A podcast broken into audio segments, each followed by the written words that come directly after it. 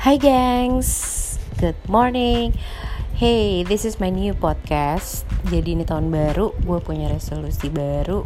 Gue pengen sesuatu yang baru So, gue milih gue bikin podcast gue sendiri. Oke, okay, for the first time discussion Allah berat amat sih. Ya intinya sih kalau di podcast gue suka-suka aja ya mau ngomongin apa.